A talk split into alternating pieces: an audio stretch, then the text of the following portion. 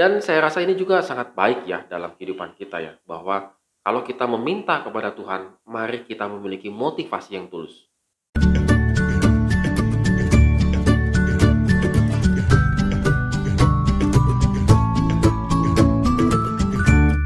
Morning Good Readers, hari ini kita kembali merenungkan firman Tuhan.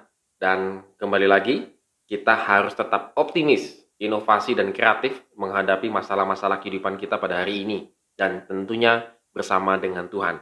Dan kita lanjutkan pembacaan kita di dua Raja-Raja pasal 19 ayat 1 sampai dengan yang ke-37. Nah, kalau kemarin itu bagaimana Raja Asyur mengolok-olok Tuhan, begitu menghina Tuhan, supaya Hizkia itu menyerah. Jadi diserang mentalnya Raja Hizkia dan juga e, rakyat Yehuda. Tetapi mereka silence, tetap diam, seribu bahasa, tidak membalasnya. Dan kita bisa melihat di sini bagaimana respon daripada Raja Hizkia. Respon daripada Raja, Raja Hizkia adalah dia mengoyakkan pakaiannya. Ketika menerima berbagai macam hinaan-hinaan yang demikian, tentunya dia masih sebagai manusia biasa, pasti tentunya dia mentalnya down juga begitu ya. Tetapi yang luar biasanya adalah melihat situasi yang sangat sulit ini, Hizkia datang ke rumah Tuhan dengan penuh perkabungan dan berdoa memohon pertolongannya. Wah, ini luar biasa ya ketika dia mengalami penghinaan yang sangat luar biasa, dia berkabung di hadapan Tuhan. Mungkin kita kalau menghadapi uh, penghinaan di media sosial, kita cepat-cepat membalasnya dengan berbagai macam sindiran dan kiasan-kiasan yang sebenarnya menyudutkan dia. Tetapi Hizkia tidak. Dia berkabung di hadapan Tuhan.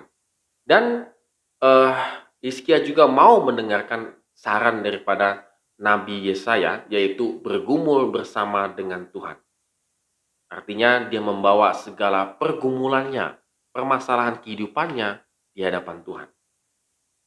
Putra saya rasa pada saat-saat ini banyak sekali orang justru mengalami pergumulan-pergumulan kehidupan itu malah lebih menjauh dari ke Tuhan, tidak dekat dengan Tuhan, tetapi jauh dari Tuhan. Saya malah kadang-kadang bingung ada banyak orang yang mempunyai masalah-masalah yang tidak gampang, tetapi jauh menjauhkan diri dari ibadah-ibadah, malah menjauhkan diri dari persekutuan, menjauhkan diri dari membaca Alkitab dan lain sebagainya. Dan tentunya kalau dia menghadapi pergumulan yang berat dalam kehidupannya, maka dia semakin terpuruk. Gitu ya, semakin dia tidak bisa menolong dirinya sendiri. Nah, ini dilakukan oleh Hizkia, yaitu dia bergumul bersama-sama dengan Tuhan. Dan ketika dia bergumul dan berdoa meminta pertolongan di ayat 14 sampai dengan yang ke-19, semua masalah itu dia dia utarakan kepada Tuhan tanpa ada motivasi untuk mencari keuntungan bagi dirinya sendiri. Nah, di sini hebatnya daripada juga Raja Hizkia. Ketika dia meminta pertolongan kepada Tuhan adalah dengan sebuah ketulusan. Doanya itu benar-benar tulus untuk meminta pertolongan kepada Tuhan. Dan saya rasa ini juga sangat baik ya dalam kehidupan kita ya. Bahwa kalau kita meminta kepada Tuhan, mari kita memiliki motivasi yang tulus. Terkadang kita memiliki satu motivasi tertentu ketika kita meminta pertolongan kepada Tuhan.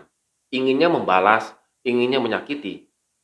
Misalnya bukan mengampuni ataupun bagaimana, tetapi dalam doa kita itu sepertinya kita mau ngampuni, tetapi dalam hati kecil kita ingin membalas, supaya Tuhan membalas. Waduh gawat ya.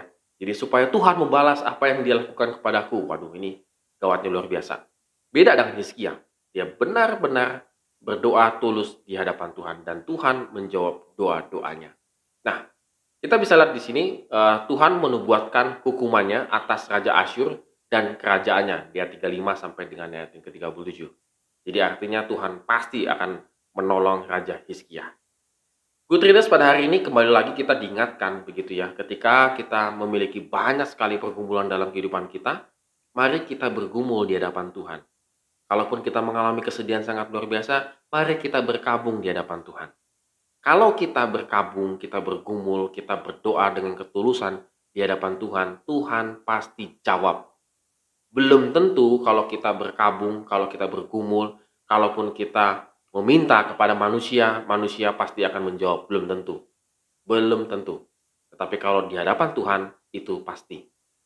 Oleh karena itu, Readers, pada hari ini kalau kita memiliki banyak sekali pergumulan, masalah-masalah dalam kehidupan kita, mari kita jadikan kesempatan untuk semakin dekat dengan Tuhan.